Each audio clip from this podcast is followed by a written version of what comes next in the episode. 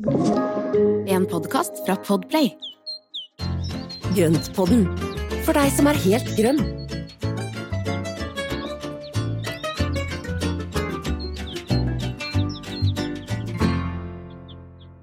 Hei alle sammen, og velkommen til Grøntpodden. Eh, I dag skal vi ha en spørrepodd, vi. Eh, vi har ruska sammen stort og smått av spørsmål. Ja, også så mye bra spørsmål. Det er jo altså veldig mye, veldig mye gode spørsmål. Så det er vi Veldig mye jeg lurer på. Jeg gleder meg sånn til å høre Espen bare liksom uh, nå blir jeg nervøs, jeg. Ja, jeg prøver å bygge opp her. Nei, det er stakkars. Men du Jeg kjenner er jeg blir helt svett av prestasjonsangst. Altså, Espen han har tråkka rundt i Roma hele helga, så han er litt sliten. Mm. Og jeg har vært på pilates, så jeg klarer nesten ikke å løfte på beina. Så, men ellers så har vi det bra. Veldig bra. Ja. Ja, det må jeg si, men Roma var en fantastisk altså det å få en, altså Vi var der med gode kollegaer, og det å få noen få dager med, med en liten sånn derre sommerboost igjen, og kunne Mm. sitte på utekafé og, og Nei, det var, vet du hva, det var veldig deilig. Så kom hjem nå til Plaskrein, så det er fint for hagen, og det er fint for det meste, men eh, da er det veldig deilig å kunne sitte inne når man kommer hjem. Ja, absolutt. ja. Tenker du har fått litt sånn påfyll av eh, D-vitamin og sånn ja nå, de dagene her. Ja, ikke sant? Ja, Ja da. herlig. Det har vært fint. Mm. Men pilates er jo en god trening, da. Er liksom, da bruker du jo bare din egen altså, kroppsvekt og tøyer og, og strekker og holder på, er det ikke det? Ja, voldsomt effektivt. Altså virkelig forrige uke, så nå har jeg liksom gått på det her et par-tre uker, så jeg er ganske ny. Men jeg kjenner, jeg har Mhm. gjort yoga før, så jeg kjenner jo igjen en del bevegelser og sånne ting av det. Men det er liksom bare når du, Jeg merka da at jeg ikke klarte å komme meg liksom opp på fortauskanten uten å liksom å pipe litt av smerte. Så er det sånn Jeg tenker at det her, det her må gjøre underverker for kroppen. Og noe av grunnen til at jeg begynte med pilates, var jo det at jeg er så lei av å ikke være sterk nok til å gjøre ting i hagen uten at man kommer inn etter gress, ugressrensking og kjenner at du har så vondt i ryggen, f.eks. Så det var Ja. faktisk Det det er at liksom Det er ikke sommerkroppen 2023 jeg er på jakt etter, det er liksom hage, hagekroppen. Hage, hagekroppen. Ja. Det er den jeg jobber for. Smidig, elegant hagekropp Ja, jeg som er, har liksom styrke. Strekke meg og med mine sterke armer og liksom Ja, nei, dette blir bra. Men akkurat nå så Ja, føler jeg meg helt knust. Så Men sånt går heldigvis over, da. Så da, da blir det jo bra igjen. Ja, absolutt. Jeg må bare si en ting det, før vi ruller i gang, og det er tusen takk for tilliten. Altså at folk faktisk syntes det var en god idé at vi skulle begynne med Grønnpodden på NRK. Det, det, det varmet eh, et hjerte. Ja. Ja, men det er veldig gøy. Det er kjempehyggelig. Vi får la det være en drøm. Altså, så klart, det er bare å ringe oss hvis det er noen i ledelsen i NRK som hører på dette her. Men ellers så koser vi oss jo her som vi er nå. Altså dette Ja, men det gjør vi. det gjør vi. er helt Ja. herlig. Så kan vi ha holdt på å si, både bilde og lyd og altså type mer filmatiserte ting senere. Mm, det kommer Mm. en eller annen gang. Nei, men du, nå ruller vi i gang, da. Ja, men det gjør vi. Vet du, jeg tenker at her kjører vi beinhardt på å bare lese opp spørsmål og svare. Altså, det, er, det er ganske mange spørsmål. Eh, og jeg har prøvd å få med meg så mange som mulig, men det er altså Instagram og sånn, det er litt sånn forvirrende av og til hvor man finner ting. Eh, altså plutselig så Ja. Så jeg, Ja, for jeg, noe kommer i kommentarfelt, noe Ja. kommer på direktemelding, noe kommer på Facebook, noe kommer da i Messenger, så det er, det er ganske mange steder å holde styr på. Mm, Så det, men jeg syns du har funnet et veldig mye bra spørsmål, så det jeg tror du har funnet ganske godt altså representativt utvalg, er det ikke det det heter? Jo, ja, vi sier at det er det, det er det vi har funnet. Jeg tror det i Mm. hvert fall er spørsmål som vil være av interesse for flere. Skal vi begynne da med Anette, som har Altså her tror jeg jeg ble litt inspirert av at vi snakket om de fikentrærne mine, Mm. og lurer på nå om hun kan eller bør eller skal plante ut fikentreet sitt. Og hun bor da i H4. Og Ja. hvis ikke, hvordan skal jeg vinteroppbevare treet? Ja, og jeg vil aller først si at nei, ikke plante ut. Eh, H4 det er, eh, det er veldig, veldig, veldig på grensen hvis det i det hele tatt vil klare seg. Mhm. Fordi eh, jeg har glemt en stikling ute som, og bor altså i 3-4, eh, hvor eh, den sto i drivhuset, veldig lunt og sånn, og alt over jorda døde. Men rota var det liv i, så den klarte å komme opp igjen med en, en ny, eller som en ny plante. Mm. Men det å heller ta de inn og oppbevare de å si kjølig, så kjølig som mulig ned mot null grader, så mister de bladene sine, og da er det ikke så farlig med lys. Så Nei. den kan faktisk være ned på, ja, er det et sted mellom null og fem grader, så er det helt ideelt. Mm. Og så bare antydning til fuktighet i jorda, og så når du da kommer ut på vårparten, så ser du at det begynner å skje noe med knappene, så må den utgi så mye lys som mulig. Greit. Jeg bare tenkte på, nå har jeg akkurat satt det ene, det tredje fikentreet som jeg har, som ikke fikk lov til å være med i jorda. Eh, Mm. Det, står det har jeg satt inn i stallen, det står i vinduet, men gjør det gjør ikke noe at den står lyst? Eller Nei, nei, nei, Nei. Nei, absolutt ikke. Det, altså, fordelen er at det står lyst, så, for da vil også bladene kunne nyttiggjøre seg lyset i den tiden de har igjen å henge på. Mm. Eh, Og så pleier de jo da å kaste bladene når det er, eh, altså når det er litt senere på høsten, så pleier de å kaste bladene.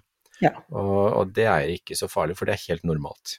Så lyst eller mørkt er ikke så farlig når det gjelder fiken, fordi bladet skal av. Ja. Ja. Bare det er kaldt nok. Ja, Mm. akkurat. Det er jo et litt lignende spørsmål fra Lise May-Len. Ja. Uh, hun lurer på hvordan hun skal overvintre ginkgotreet sitt, og hun har da funnet to alternativer som hun trenger hjelp til å velge mellom. Enten er det mørk kjeller med temperatur ned i 3-4 grader, Mhm. eller 14-18 grader og vekstlys. Ja, og eh, jeg ville nok gått for den første, altså 3-4 grader, altså kaldt, og, og igjen da vil ginkgoen miste bladene sine, eh, på samme måte som fikentreet. Eh, Jeg vet ikke helt hvor i landet hun bor, men det går jo fint an å ha ginkgoen ute mange steder i landet. Ja. Eh, Og jeg har en kompis som har eh, holdt på å si, balkong inne i Oslo, som har ginkgo på terrassen, og som har stått der i flere år. Er Altså i stor, stor krukke som er Ja. godt drenert. Ja. Så det er en mulighet å, å tenke liksom alternativt i krukke, eller, nei, i, eller å plante den i bakken ute, det er det sikreste. Mm. For at de klarer seg fint i, på Østlandet hvis man da planter det i bakken. Hvis du skal ta det inn, så velg gjerne den der 3-4-graderen, fordi at det er veldig vanskelig å holde de i god vekst uten at de får skadedyr og sånn, for ofte så blir det veldig tørr luft, og da blir det fort angrep av midd og, og trips og tull og tøys som Mm. ødelegger. Bra. Skal vi gå videre da, til Kristin? Ja, Den her likte jeg. Eh, Jeg likte de andre. Jeg har likt alle spørsmål til nå. Jeg liker alle spørsmål vi har med, men den her tenkte jeg at den var eh, Den lurer jeg på også, Espen. ja. Hvilke planter passer på badet? Vil gjerne ha et frodig rom med planter som både klatrer, henger og står. Har dagslys fra et lite vindu. Ja. Og eh, baderommet er kanskje et av de vanskeligste rommene, eh, fordi de, eh, der er det så høy temperatur, Mm. og veldig mange bad har ikke vindu. Og er det et lite vindu, så er det nesten tilnærma ikke noe lys. Fordi det, er, det blir for lite lys som treffer i da, eh, holdt på å si direkte lys til den planten som står inne. Mm. Så det man kan satse på, det er jo da LED-lys, altså lyslister og plantelys, vekstlys, eh, som man da kan, hvis det er mulighet til å henge opp, eh, så er det en mulighet. Da kan man ha inn ulike tropiske vekster som, som liker høy luftfuktighet osv. Men ellers så kan man da også velge å ha for eksempel to-tre planter som man bytter på.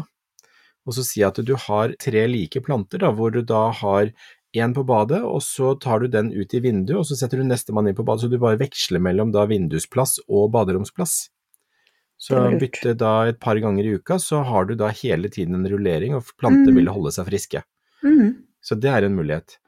Hvis man skal gå på plantevalg, så er det jo sånn som aspidistra er jo en av de, eh, altså de em, veldig robuste som tåler alt, og også lite lys, og smaragdpalme, disse her eh, samiokulkasene, disse her med de tjukke, grønne, mørkegrønne bladene, mm. den tåler jo lite lys, og du har jo en hel del som da tåler lite lys, altså, som da kan fungere greit.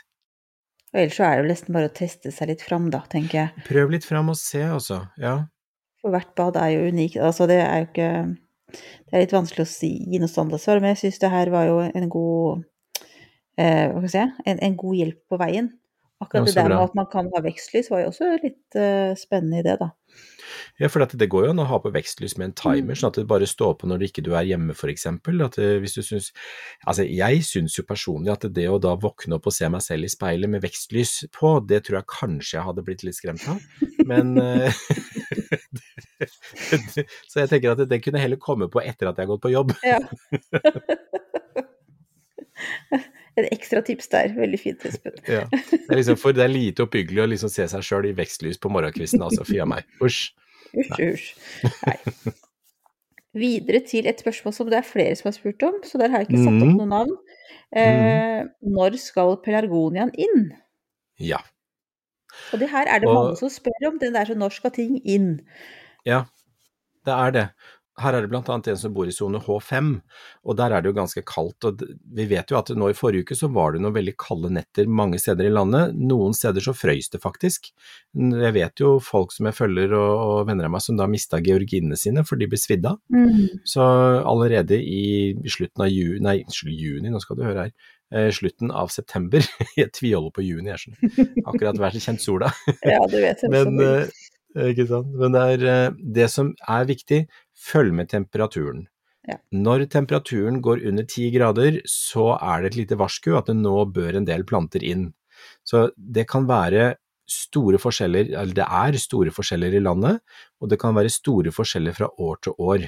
Mm. Om det blir en kuldeperiode tidlig i september, så bør plantene dekkes til, eller kanskje gå inn. Uh, og så tenker jeg at man må bare teste seg litt grann fram også. Og noen ganger så går det jo selvfølgelig gærent, men da er det jo alltids lov å prøve på nytt igjen neste år. Ja, Jeg tenker det er ikke noe konkurranse. Ikke Så- noe konkurranse om å være den som har plantene ute til akkurat riktig tidspunkt. Og som, altså det her er ikke noe snakk om å gjøre et perfekt valg, men kan jo være litt føre var, tenker jeg. Altså hvis du har planter du er glad i, som du gjerne vil ha med deg videre, så tar du dem heller inn altså litt i god tid, da. Vi, vi snakka om det her litt før vi eh, begynte å spille inn. Og det er jo litt som at du kanskje tar på deg vinterjakka litt for tidlig, men altså Du angrer jo ikke på det. Det er jo verre å gå rundt og fryse i desember. Ja, ja. og det er veldig godt poeng, Marianne. Og i hvert fall det at det, hvis det er planter du er glad i, og du er redd for, så ta de inn tidlig. For at det er Mhm. bedre for tidlig enn for seint. For at det er sånn som i fjor hvor jeg da hadde pengetreet mitt ute, altså den, det er en nystikling, ikke det gamle fine, men den er også blitt veldig fin, og da glemte jeg den ene natta hvor det frøys, og så svei jeg av hele toppen. Ja. Og det skjedde på én natt. Nå har den Mhm. klart å komme seg igjen i år, fordi at det var liv i rotet og stilken, men, men eh, det var eh, Jeg hadde litt hjerte i halsen når den da var så ødelagt på bare på én natt, altså. Mm. Så heller litt for tidlig enn litt for seint. Da er vi enige i det. Så har vi da Og jeg, vi vet jo egentlig navnet her, sånn, men jeg, nå sto det helt stille. Men i hvert fall Urtehagen, profilen Urtehagen Urban Farming på Instagram, mm. lurer på hvordan man ser forskjell på småhjerte og løytnantshjerte. Om løytnantshjertet vokser i fjellsonen og er liten. Ja, det er jo det er et godt spørsmål. Altså, bladverket er veldig forskjellig. For at det, altså, småhjertet, eller dissenteren, den er jo, den er jo, eh, den er jo mye mer finflikete og lavtsittende. Og den vokser jo tett og kompakt og er mye Mm. mer flikete. Eh, mer sånn rufsete, nesten som gulrotgress. Eh, mens eh, løytnantshjertet, laprocampusen, den er litt høyere og litt mer langstrakt. Og så sitter altså stilken opp, så har du alle blomstene på én stilk utover, og så har du mye mer tydelig to farver på selve blomsten. Fordi eh, på dissentraen, eller da småhjertene, så er det nesten den samme farven over det hele. Mens på okay. løytnantshjertet så har du da den der inni er eh, hvit, og så har du en veldig sånn markant rosa eh, kappe utenpå. Mm. Så det, altså, egentlig blomsten er veldig forskjellig hvis du ser veldig tett på, da. Eh, og så er det noe med vekstformen. Eh, småhjertene de kan jo holde på til egentlig Her så står det jo de blomstrer fortsatt, mens løytnantshjertet den er gjerne ferdig mye tidligere, selv i, eh, i fjellsone, tror jeg. Mm. Bra. Nå kjente jeg liksom veldig nivåforskjell på min kunnskap og din. det er sånn Det er bare så gøy. Jeg bare koser meg av å høre på det. Skal vi gå videre da til Johanne, som lurer Ja. på når skal jeg ta frø av erteblomster? Skal belgen bli brun og åpne seg først? Altså, Hanne har gjort en, altså, en eh, heltemodig innsats med googling på, på nettet og funnet mye tips, men hun lurer på hva som egentlig er fasit. Ja, eh, veldig mange tips, og det er veldig mange forskjellige måter å gjøre det på. Men det som er viktig med alle typer frø, eh, og også erteblomstene, er at frøene får utvikle seg godt nok til å være spiredyktig før de plukkes av planten. Mm. Eller at de da får lov å ettermodnes etter at de er plukket. Det er jo da med erteblomstene er at det, eh, frø, altså frøbelgen skal jo da liksom bli tykk og fin, og du skal kjenne at det er frø inni der. For det, ellers er den ikke moden, og da vil det aldri bli spiredyktig frø av det. Mm. Så, så lenge den får lov å henge på, altså la den henge på til den begynner å bli brun, hvis det er mulig, eh, eller så tett opp til frosten du klarer å la den henge. Er det for sent å ta det etter at frosten har kommet? Jeg vil eh, antageligvis tro det, fordi mm. det er for mye fuktighet i frøkapselen og i frøene til at de ikke har blitt ødelagt av frostsprenging Eh, og frosten den blir jo som små nåler og punkterer celleveggene, mm. og det ødelegger jo en, altså et friskt vev. Tørre frø som tåler mye mer, de er jo ikke så utsatt, men da så lenge de er friske og frøkapslene er friske, så tåler den ikke så mye. Bra. Eller ikke bra, men takk. takk, bare hyggelig. Og så tar du det inn, og så lar de ligge og tørke inne på et papir, for eksempel. Gud, jeg må gå og lete etter uh, frøbelger, jeg. Ja, du har jo så masse. Ja, det er bare kaos der fortsatt. Det er bare mer ja. og mer kaos. Men jeg har plukka inn noen i dag òg, så de lukter fortsatt godt. Fantastisk. Litt på hell, da, får vi si. Men uh, du vet, ja. jeg koser meg mm. lell. Skal vi se. Linda. Mm. Er det mulig å overvintre kjempeverbenaen som jeg sådde i vår, og hvordan? Skal hele planten inn, eller skal jeg ta stiklinger? Begge deler funker. Ja, jeg pleier å overvintre kjempeverbenaen, og da har jeg en stor krukke med kjempeverbena, og så klipper jeg ned til ca. 40 cm, og så drar jeg inn hele krukka, og så setter den lyst og kjølig og en liten skvett vann i ny og ne. Og så til våren så pleier jeg å ta de pinnene som står igjen, alt det som er friskt og grønt, det klipper jeg i biter, og så stikker jeg det i jord, og så får jeg nye stiklinger, og så har jeg masse å sette ut i bed rundt omkring. Ja, så du gjør begge delene? så jeg gjør begge delene. Men jeg venter med stiklingene til våren, for at ja. da roter de seg mye kjappere. Okay. Eh, og i tillegg så så jeg lite grann, men det er bare for gøy. Full pakke. Men skal man vanne litt under hele vinteren på den ja. planta som tatt Ja. Antydning til fuktighet. Lett fuktighet. Skal, jorda skal ikke være våt, lett fuktig bare. Og den kan gjerne stå på mellom fem og ti grader. Mm. Og helst lyst siden den har grønne blader. Altså akkurat den der antydningen til fuktighet syns jeg er vanskelig, altså. Det er sånn Jeg ser liksom for meg at den nesten skal liksom puste med fuktig munn, holdt jeg på å si. Altså. Jeg tror jeg er litt sånn tenke... streng på det der, så det blir så veldig antydning. Altså, kan ja, man få en skvett av og til? Er det det du En skvett sånn? av og til, ja. ja. Og så henger det sammen med at jo kaldere det er, jo mindre fuktighet fordamper, og dermed så slipper du å vanne så ofte. Mm. Så hvis du ja. har f.eks. fem grader, så kanskje du vanner én gang i måneden, så gir du da bare en liten skvett og så kjenn gjerne godt ned. Stikk fingeren godt nedi. Stikk den helt ned til eh, knoken, holdt jeg på å si. Den, eh, stikk den godt ned i jorda, og så mm. kjenn etter. Er det fuktighet, så behøver du ikke vanne. Hvis ikke det er fuktighet, så bør du vanne. Mm. Men det er altså ikke bare kjenn opp på toppen, men stikk fingeren ned i jorda. Man skal ikke liksom overvanne altså sånn, Man skal ikke gi en skikkelig god vanning før man setter den bort. Nei, absolutt ikke. Nei, ikke Fordi eh, da vil den stå og være for fuktig, og så vil det fordampe veldig langsomt, og så vil da egentlig røttene stå under veldig sånne eh, gufne forhold med veldig mye fukt og litt kjølig, og da får du mye sånn, sånne anaerobe prosesser som egentlig er eh, råte og surning av jord og røtter, og det er ikke bra. Mm. Nei. Så det begynner egentlig nå, da, denne skvetten. Mm, ja. ja. Og så er det Merete som lurer på noe, og Merete er altså venninna av vår Pernille. Å ja, så, så hyggelig. Ja. ja, kjempehyggelig. Mm. Og Merete lurer på hvorfor alium ikke kommer hvert år. Hun plantet løk i forfjor høst og fikk masse alium i fjor vår, men i år kom ingen. Ja. Kan det være frosten som har tatt dem? Bør jeg plante nye, eller er det håp om at de kommer igjen? Ja.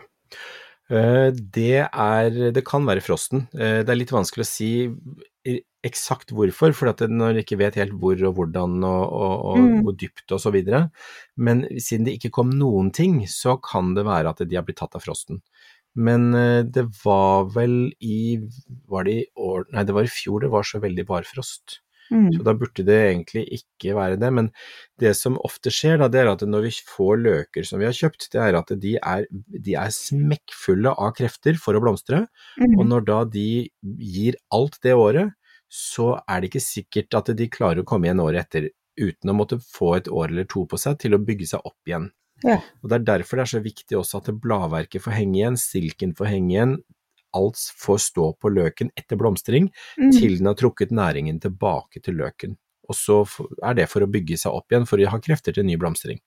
Så det kan Så- være verdt å se om det kan skje noe igjen til våren, da. Ja, men eh, altså, hvis jeg skal da, ut fra min utålmodighet, så hadde jeg Mm. kjøpt noen nye og planta litt innimellom. Jeg Så, det. så jeg tenkte at jeg hadde nok gjort det. Og så hadde jeg tatt det som en bonus hvis det kommer noen av de gamle også. Mm. Ja,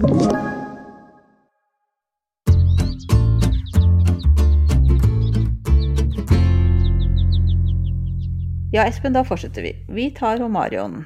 Bør man fjerne frøkapslene på irisen? Eh, hvis ikke de er blitt tatt bort tidligere på, på sommeren, så tenker jeg at da er det ikke så viktig. Så hvis frøkapslene henger igjen nå på høsten, så vil det kanskje være modne frø inni der, og de kan man da rufse rundt i jorda i nærheten av der morplanta står. Mhm. Og så la det bare visne ned sammen med resten av bladverket til, eh, til vinteren. Bra. Så har vi Lillian, eh, som har Mhm. veldig lyst på kompost... Kom, klarer ikke å si det engang. Kompostkvern. Og lurer på om vi har noen Mhm. anbefalinger på noe som holder. Jeg, vil ha kvalitet her. Ja, og eh, det er veldig mye kompostkverner på markedet, og altså, vi har ikke, vi- er ikke blitt sponset av noen, bare sånn at det er sagt mm. på, på dette her. Eh, Jeg har testet noen forskjellige, både med skivekutter og med valser, eh, og jeg har endt opp på denne som heter Bosch AXZ eller AZT eller noe sånne ting, og der finnes det forskjellige styrker eller, eller modeller av den. Mm. Det er en valse som gnager ned ganske tjukke greiner, og den har kverna opp altså et, jeg vet ikke hvor mange kilo med kvistkutt her i hagen, og den går fortsatt. Og, for jeg var ute etter akkurat det samme, en som, jeg ville ha en som holder, en som gjør jobben, og en som tar litt tjukkere greiner. Og den har gjort det. Så den Borsen som jeg har der, den, eh, den kan vi altså, vi kan ta bilde av og legge den ut i, i sosiale medier hvis- noen vil se den, men, men den Mhm. har altså virkelig gjort nytta, og den kan jeg anbefale. Jeg har også Bosch. Eh, Jeg kan ikke si hvilket, akkurat hvilket nummer eller noen sånne ting, men eh, Nei. den er ganske For å si det sånn, da, så har jeg vært litt overmodig med en del litt for tjukke greiner. Men Da kan det hende at den kiler seg. kiler seg, men det er veldig grei også å få den ut. Det går med litt banning og litt sånn iherdige greier. Men ellers så er den altså Den, den er Den går og går. Ja, det er det Ja. samme med denne her, altså. Og den, eh, og den gnager seg gjennom masse, Mm. altså. Og den er, ja, den er superfornøyd. Mm. Ja. Det er jeg òg. Bare ikke alltid like fornøyd med min litt overentusiastiske, optimistiske mating av den. Men de største kubbene, vet du, de kan du, de kan du putte inn i peisen isteden. Ja. Jeg vet. Du vet når man står der, og så, og så man liksom, mister man litt sånn oversikten på, på hvor stort det egentlig er. Og så tenker jeg nei, det går så bra, det gikk i stad, vi tar det nå. Og så bare oi, nei. Ja. Nei, det gikk ikke. Ja. Så, Det er ikke sant. ja, men sånn er det. Mm. Lillian har enda et spørsmål. Jeg tok med det også, ja, fordi at eh, det var, den her tror jeg kanskje egentlig var enda mer aktuell rett etter at alle hadde vært på ferie i sommer. Men jeg Mm. tenker at det kan jo hende at noen som ikke orka ta tak i det heller, etter å ha kommet hjem og oppleve at hagen var helt uttørka, og så nå Ja. bare har latt den ligge brakk. Så derfor tenkte jeg at den her kan jo være eh, grei å få med seg. Man, altså, hva kan man gjøre nå, da? Kan man gjøre noe for å forberede til en bedre sommer neste år? Ja, Det, det- altså det har jo vært vanningsrestriksjoner, og det har vært tørt, og ting har blitt svidd, og mye har blitt ødelagt i år. Eh, Men det jeg tenker, det som er lurt å gjøre nå, det er jo rett og slett å beholde alt plantematerialet. eh, Kutte det opp, kverne det opp, spre det rundt i hagen. Alt sånn kvistkutt og bladkompost og sånne ting, det er jo med på å binde og holde fuktigheten. Mm. Så hvis man da ikke har for, altså for ryddig og rene bed, eh, så vil det være med på å holde fuktigheten på, på stedet. Så, så jeg tenker at det, det man kan gjøre nå, det er alt som beskjæres og sånn, kutte ned, kviste opp og få det liksom spredd utover, og, og fylle på med mer sånn eh, organisk materiale i hagen. Mm. Og så er det ikke noe gjødsling utover det, men eh, start tidlig til neste år med å, liksom, å bearbeide jorda, liksom ha på litt f.eks. hønsegjødsel og, og, og kukompost når da plantene begynner å få i gang veksten igjen. Ja. Bra. Og så krysser vi fingrene for litt mer vann neste sommer. Ja. Takk. Det gjør vi. Mm. Så er det noe helt annet. June, altså det er June og flere. Eh, Det er ganske mange som har spurt om det her, både litt hist og her.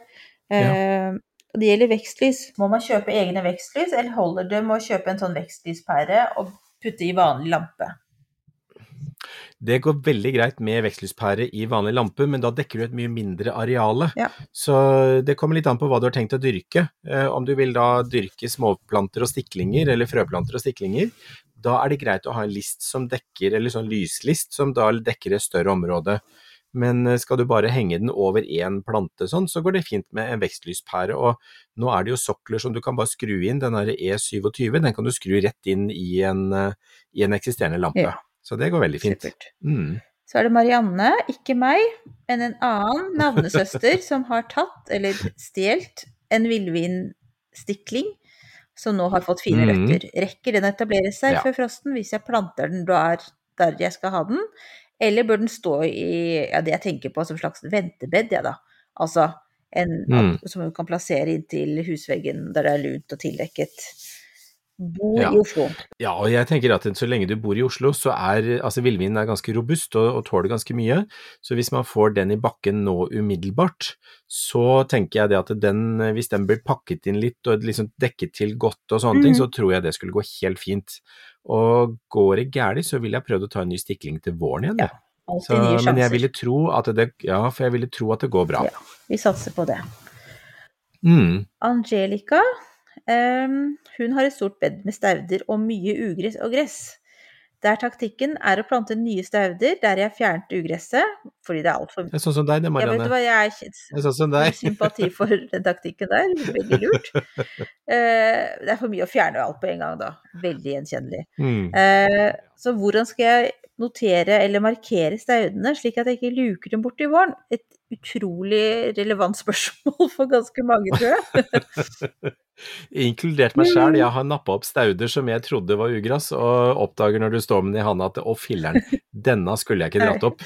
Eh, Så det skjer i de beste familier, så, og det kjenner vi godt igjen. Men det som er lurt å gjøre, det er to ting. Det ene er å skrive merkelapper med da blyant eller da lysekte vannfast tusj, og så stikke det godt ned i jorda ved siden av der hvor stauden står. Sørg for å stikke den helt ned, slik at du bare ser toppen av den, og sånn at ikke den blir borte gjennom vinteren. Eh, og så rett og slett bare sjekke til våren at du da har, eh, at du har eh, koll på der hvor lappene står, så, så drar du ikke opp Mm. Eller stauden, da. Ja. Egentlig. Og da nummer to, det er å ta bilde av bedet, og ta bilde av bedet nå, for da ser du hvor bladene er på de staudene, og så vil du kunne kjenne igjen plasseringen, og dermed da tenke deg til hvor de står. Men merkelapper, alltid en innertier. Ja. Godt tips. Det ja. Og det er veldig lett å få til, tenker jeg. Ta en runde. Mm. Ja. Men da har vi et siste spørsmål. Det har du kommet eh, med. Altså ikke du, da, men du har Ja. fått det i dine egne kanaler, som det så pent heter. Og det handler om Ja. dahliaer som bare blir grønne. Altså det er masse fine blader, men det er ikke noe mer enn det. Det får ikke knopper eller blomster. Hva er Ja. feil? Og det er ikke sikkert at det er så veldig mye feil, annet enn at det kan ha vært en dårlig knoll eller en svak knoll som du fikk fra start. Mm. Uh, og hvis den enten har hatt en veldig tøff vinteroppbevaring, eller vært veldig innskrumpa, eller bruker da lang tid på å komme seg, så er det ikke sikkert at den bare har rukket å komme i gang med knoppsetting og blomster i år.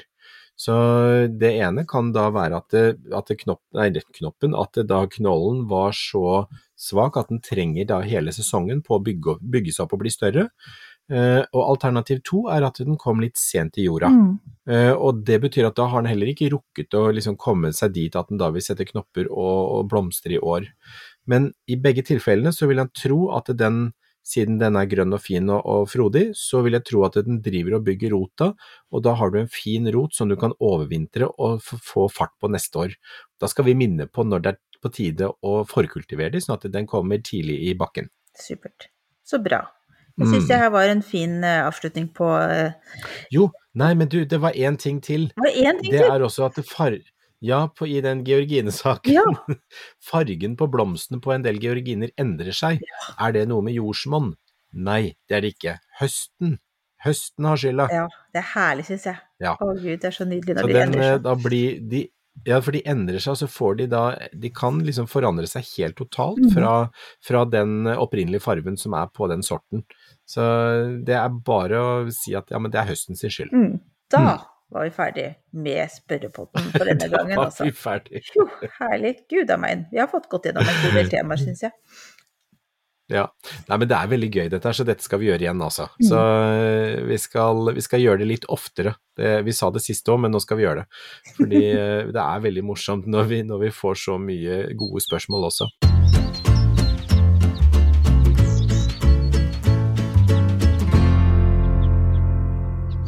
Siden vi nå allerede har pløyd gjennom en haug med spørsmål, så hopper vi elegant over uh, ukas spørsmål, og vi hopper også over ukas plante, for vi har jo kommet gjennom så mye planter nå. Vi kommer sterkere tilbake neste uke med en, en ny eh, planteskatt. Men jeg vil jo veldig gjerne Ja. høre hva du gjør nå da, Espen. Ja, akkurat nå så sitter jeg og, og tenker på alle sukkulentene mine, at de må inn før det blir for mye regnvær som fyller pottene. Ja. Fordi, eh, som vi nevnte på dette med overvintring, at hvis jorda er for fuktig og plantene er for vasstrukne når vi tar de inn til overvintring, så er det mye større sjanse for at det blir sopp og råte. Så det å få inn de spesielt sukkulenter, kaktuser og sånne ting som skal ha en kjølig overvintring, eh, og som også skal stå tørt, de er viktige å få inn før det blir for mye regn. Mm. Eh, Og det samme kan gjelde også sånn som begoniaknoller, altså skaugumbegonia osv. De liker ikke å bli stående ute i eh, kald og, og våt høst. Så Forstår dem godt. jeg driver og, driver og Ja, jeg, er ikke sant, hvem liker det, liksom?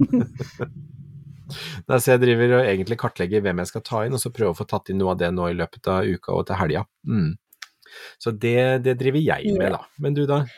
Ja, nå driver jeg og skal rydde inn i hagen. Det blir litt sesongavslutning med ja, få bort rusk og rask og døde planter og, og sånn. Jeg må bare, nå må jeg ta på meg en god, tjukk genser og, og regnstøvler, holdt jeg på å si, og, og komme meg ut og få gjort det. Så det blir en god Ja, men det er jo hyggelig det òg.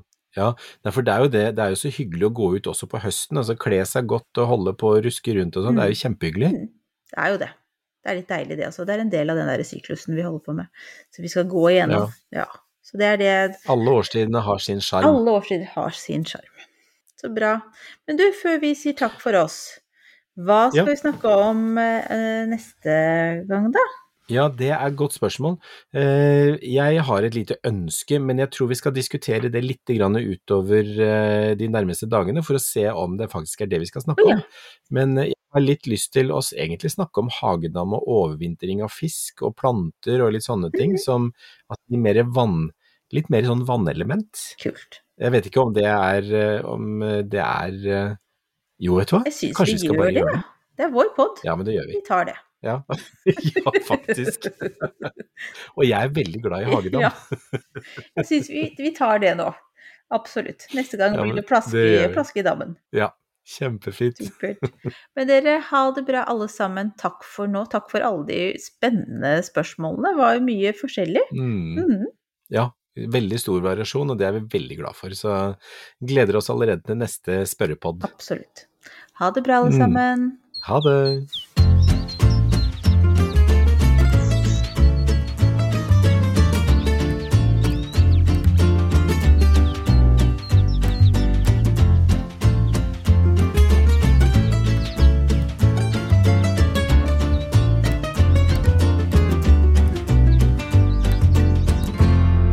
Du har hørt en podkast fra Podplay. En enklere måte å høre podkast på. Last ned appen Podplay, eller se podplay.no.